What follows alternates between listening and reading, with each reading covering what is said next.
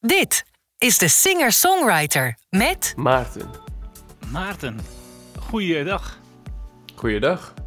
Eh laten we maar even beginnen voor, voor het hele verhaal. Eh, je woont in Zwolle. Dat klopt, ja. Al, eh, Je, al zeven jaar denk ik ondertussen. ja, eh, je hebt het conservatorium daar gedaan. Klopt. Ja, nog steeds eigenlijk. Want ik heb, eh, Ja, ja. vorig jaar ben ik afgestudeerd op de jazz en pop afdeling. Eh, met allemaal eigen werk in Hedel. En daarna dacht ik, eh, ik ga toch nog een beetje de diepte in eh, voor mezelf. En toen ben ik nog, eh, heb ik besloten om nog een master te gaan doen. En dan zit ik nu in het eerste jaar, dus en dat is een tweejarige master. Ja. Ik- las ook dat, dat je de kant van jazz een beetje had gekozen. Ja, nou ja, dat is, ja, jazz en pop is natuurlijk, wordt, beide kanten wordt wel belicht. Dus ik heb ook veel, veel jazz en Latin moeten doen. Maar uiteindelijk trok het me niet zoveel als de, de popkant van, eh, van mijn opleiding. Oké. D- d- Dus je bent toch wat meer de poppige kant op gegaan dan de jazzkant. Ja, ja, ja, ik merk wel dat als ik, ehm, dat is met de single die we net hebben uitgebracht, is dat niet zo. Maar de nummers die we eh, daarna nog willen gaan releasen, is dat wel zo dat ik wel wat jazz-invloeden eh, heb in mijn muziek. Want ja, je, groeit er toch een beetje in. Maar het is toch wel voornamelijk pop, ja. Oké. Nou, ik ga, ik ga eens even met je mee terug, want hoe, hoe oud ben je nu? 24. 24. Ik ga Ja. even met je terug naar eh 14 jaar geleden. Was je 10, zo'n beetje. Ja, Eh, ko- kom je uit een muzikaal gezin? Eh, niet echt. Mijn moeder die speelde gitaar, en, maar die had problemen met haar pols. Dus die is uiteindelijk moeten stoppen. Mijn vader heeft ooit verteld dat hij vroeger orgel moest spelen. maar dat hij er niks meer van kan. Eh, maar er werd, er werd wel altijd veel gezongen. Want ik kom uit een christelijk gezin. En eh, daar werd altijd wel, werden altijd wel liedjes gezongen. En eh, voor het slapen gaan liedjes. En in de kerk Ja. natuurlijk liedjes. En mijn vader, die, die zong altijd in de auto en die verzon zijn eigen liedjes. Er waren altijd hele gekke liedjes.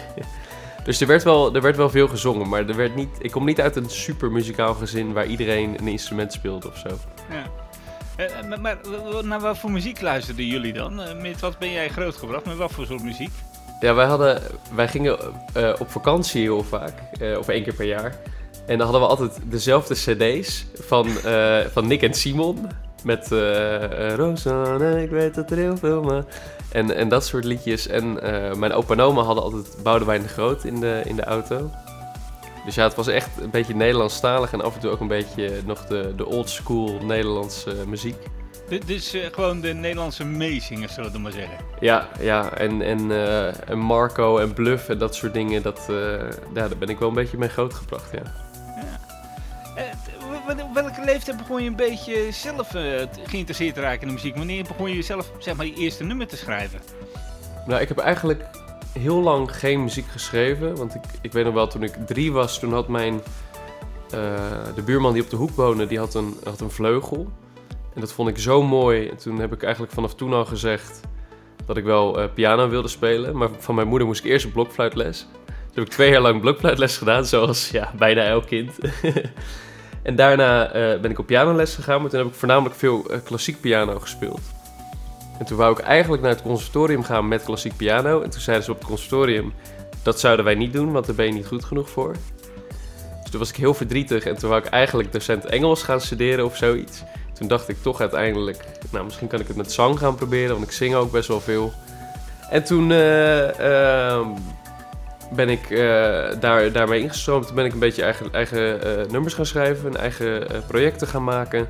En eigenlijk sinds vijf jaar geleden heb ik mijn eerste Nederlandstalige liedje geschreven. En toen dacht ik, ja, dit vind ik wel echt te gek. En toen ben ik steeds meer gaan schrijven. En toen ben ik een beetje ingerold dat ik dat toch wel heel tof vond. Ja. En, en die eerste nummer, waar ging dat dan een beetje over?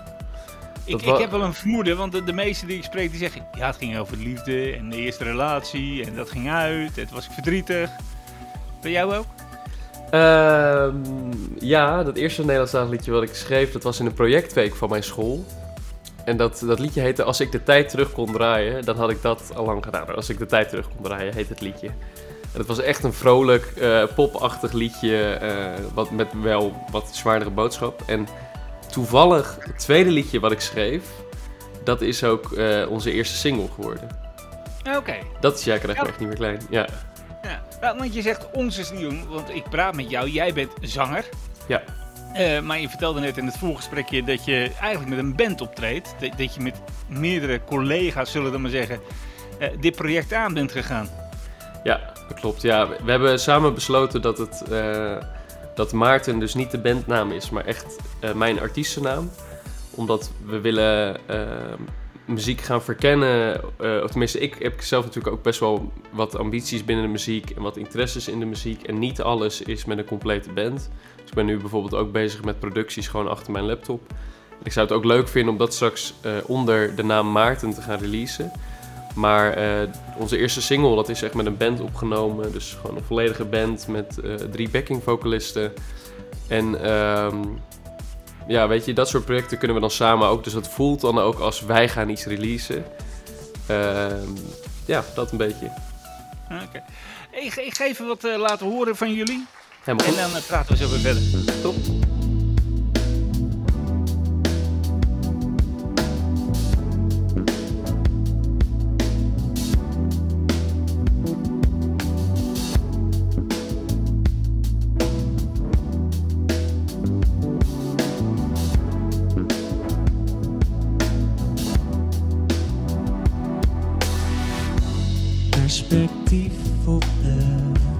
Situatie. Ik snap niet dat ik het pas zo laat zien. Het voelt niet als een, als een relatie, maar als levenslang zonder gratie.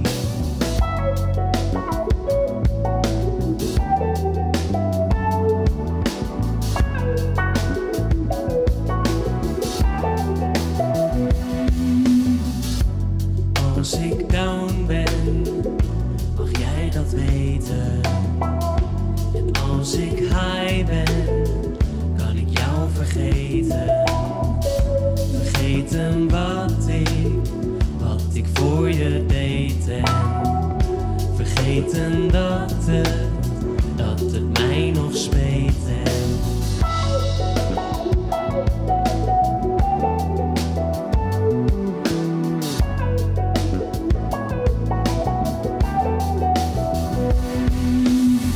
Ik heb als iets over liefde gelezen. Ik heb als iets over liefde gehoord. Maar ik heb het zelf niet ervaren. Tenminste niet zoals het hoort. Want voordat het echt kon beginnen, was jij er alweer vandoor. Voordat ik ik hou van jou kon zingen, nam jij al een ander spoor. En nu zit ik hier met gevoel en gedachten in mijn kop. Want ik had nog zoveel te zeggen, te zingen, maar jij drukt te snel op de stopknop. Ik kan wel zeggen wat ik wil gaan zeggen, maar geef jij nog wel een luisterend oor? Zingen wat ik wil gaan zingen, maar heb jij dat dan nog wel door? Ze wachten nu nog even rustig af. Wachten nu nog even rustig af. Ja, ik wacht nu nog even rustig af. Voordat ik het weet, is het al. Jongens, kunnen jullie nog iets over liefde zingen of zo? Iets over liefde, Ja, gevoelens? gevoelens erbij. Bloemen? En dan misschien iets met bloemen, Nice. rozengeur en maneschijn. Misschien is het niet wat het lijkt. Nee, nee, nee, nee, nee, nee, nee.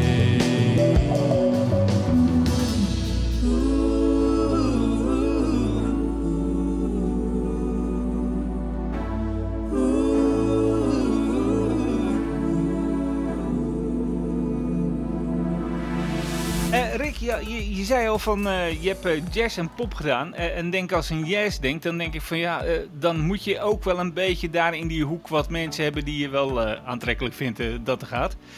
Wa- wat zijn voor jou de goede jazzartiesten? Ja, nou ja, dat zijn toch denk ik wel gewoon de basic jazzartiesten. Dus gewoon Frank Sinatra, Ella Fitzgerald, dus dat soort vocalisten die ik wel heel erg interessant vind. eh.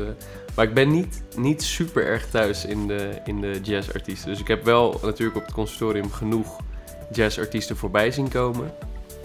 Maar ik ben er niet zodanig in gedoken dat ik echt ehm, helemaal favoriete jazzartiesten heb. Of echt jazzlijsten heb die ik soms aanzet. Ja. Eh, ja- Jazz gaat ook alle kanten op, hè? Want je, hebt, je hebt gewoon de jazz die jij net benoemt, Sinatra en dat soort dingen wel meer. Maar je hebt ook, eh, dat heb ik wel eens een paar keer gehoord, eh, ontzettende alternatieve jazz. Absoluut, En ja. dat is een het, het lijkt een beetje op jammen, maar dan eigenlijk nog veel erger. Ja, het is altijd actie en reactie. Hè? Dus eh, als je, ik heb natuurlijk wel geschiedenis eh, gehad. En dan zie je de hele verloop van hoe het eerst klassiek, het, onze klassieke muziek uit het Westen werd gecombineerd met de, met de, de muziek die de, die de eh, mensen uit Afrika meebrachten. Ehm, maar het is altijd de actie-reactie. Dus als er op een gegeven moment een soort vorm is in jazz, dan zijn er altijd mensen die zeggen: wij moeten helemaal niks met die vorm. Wij gaan iets compleet anders maken. En dat is ook natuurlijk de, de evolutie van muziek. Ja, Ja, Eh, jazz hoeft, eh, hoeft niet echt slecht te zijn, hè? want heel veel jazz staat ook gewoon in de hitparades. absoluut. Ja, ja en ik denk dat, dat heel veel muziek van nu natuurlijk gewoon nog jazz-invloeden heeft. Ja. En eh, als we naar de popkant gaan, want dat eh, vond je leuker, zei je. Wat voor artiesten eh, komen dan bij je op? Dat is wel grappig, want ik luister nu dus heel veel artiesten die eigenlijk niet, niet zoveel met mijn kant van de muziek te maken hebben. Zoals Jordan Rakai, Emily King, Amber Mark. dat soort artiesten. ehm, maar er zijn wel een paar artiesten die wel wat meer mijn kant op zijn. En dat is bijvoorbeeld Merel of Vrouwtje. Dat zijn Ja. echt wel twee Nederlandstalige artiesten die ik eh, helemaal plat luister, zeg maar. Ja. Want, je doet Nederlandstalig. Ja, klopt. Eh, En is dat bewust dat je Nederlandstalig doet? Eh, ja, ik heb toch het idee dat ehm, voor mij, hè, dat, is, dat is natuurlijk, als mensen dit luisteren en denken, nou dat is voor mij helemaal niet zo, dat kan. Maar voor mij is het zo dat Engels toch altijd nog een, als een beetje een, een schild voelt. Dus ik kan wel dingen kwijt en ik kan wel woorden zeggen, maar er zit toch altijd nog een soort, soort beschermlaagje tussen. Ja. En als ik in het Nederlands zing of in het Nederlands schrijf, dan merk ik dat het beschermlaagje er niet is. Dus dan merk ik ook dat als ik dat zing, dat mensen dat ook meteen voelen, omdat het toch gewoon hun moedertaal is. Maar dat het voor mij ook eh, oprechter is. Je kan je beter uitdrukken. Ja, ja en ook, ook eerlijker uitdrukken.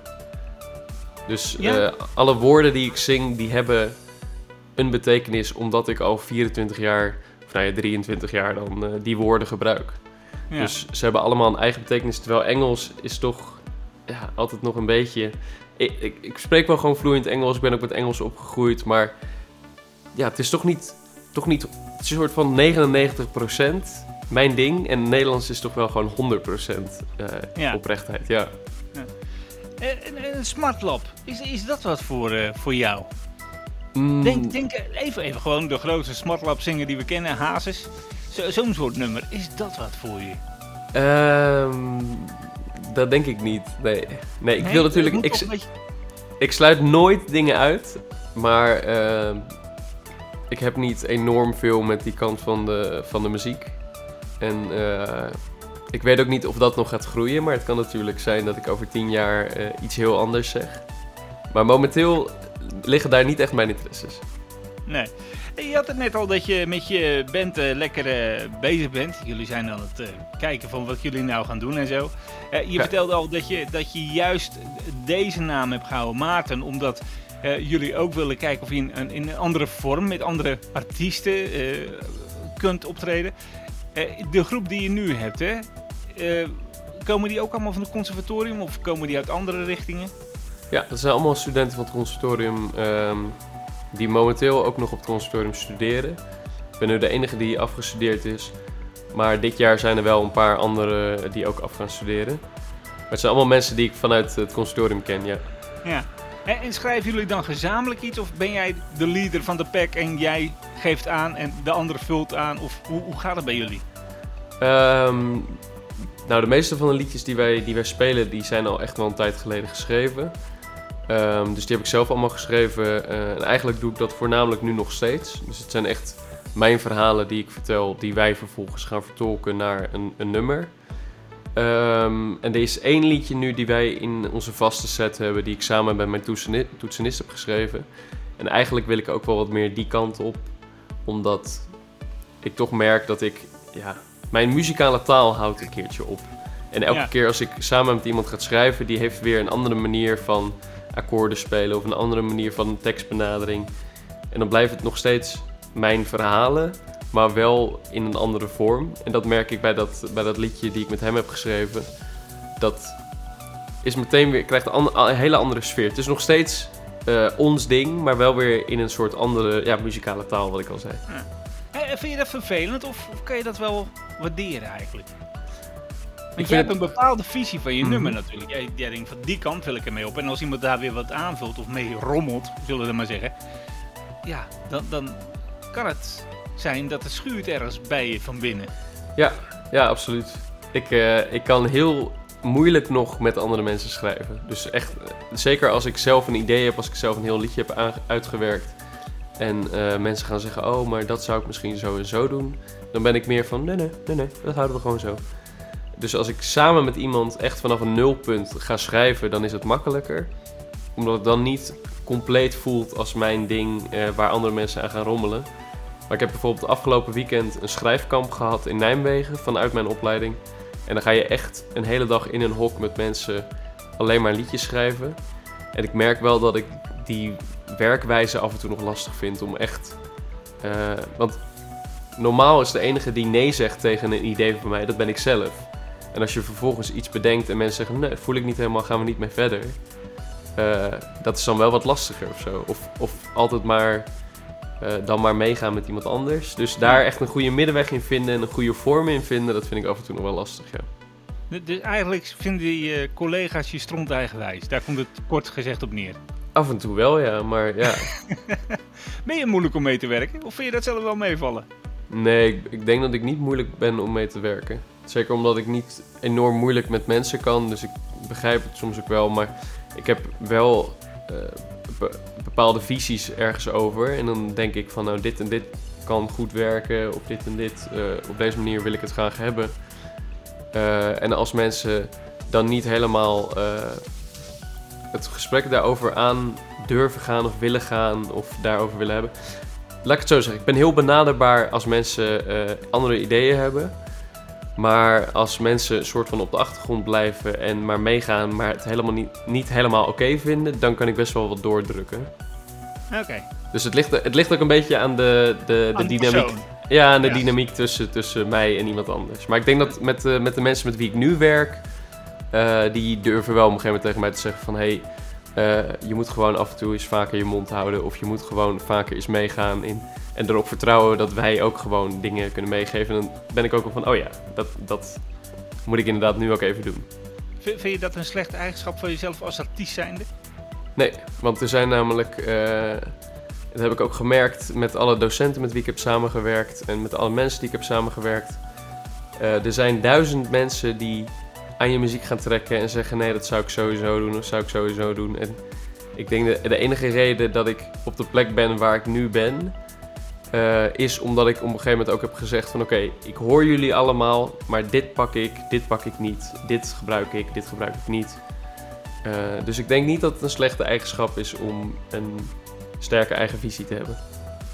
Waar wil je over eh, twee jaar staan? Wat wil je dan hebben bereikt voor jezelf? Wat is je eerste mijlpaal? Ehm nou ja, wat ik in ieder geval nu graag zou willen is eh, wat meer live gaan spelen met mijn band. Dus we zijn nu eh, goed bezig met eh, zorgen dat we overal te vinden zijn, dat we vaak ons gezicht laten zien. dat we, bijvoorbeeld, we hebben nu sinds vorige week, nou ja, wat ik al zei, onze eerste single uitgebracht, maar ook onze website gelanceerd.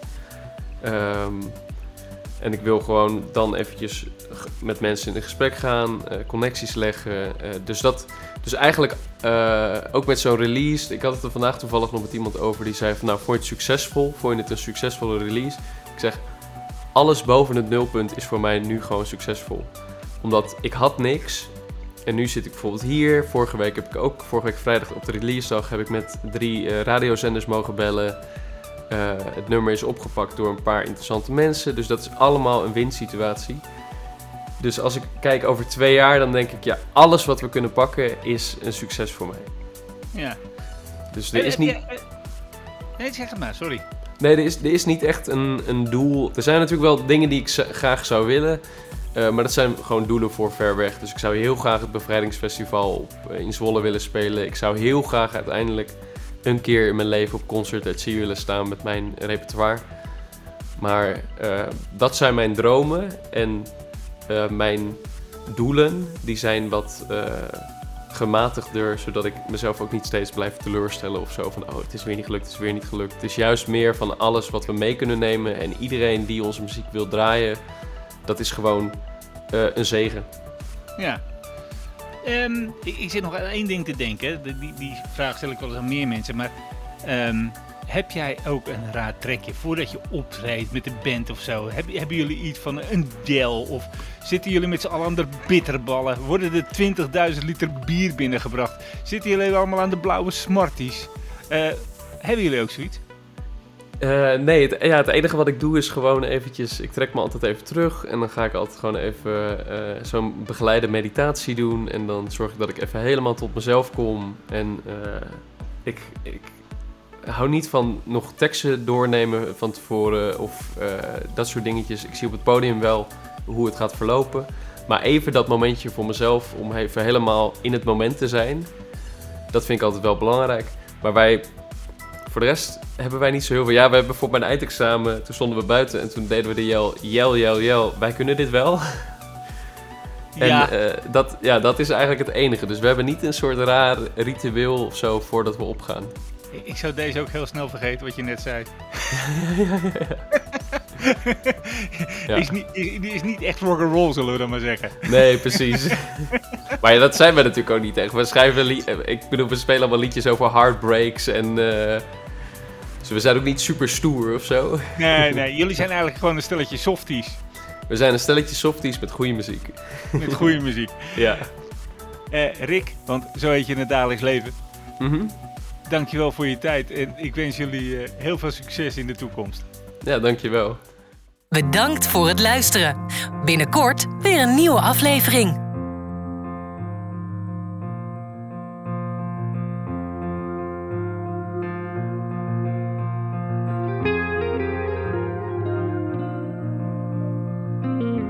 kan het nu niet meer ontwijken.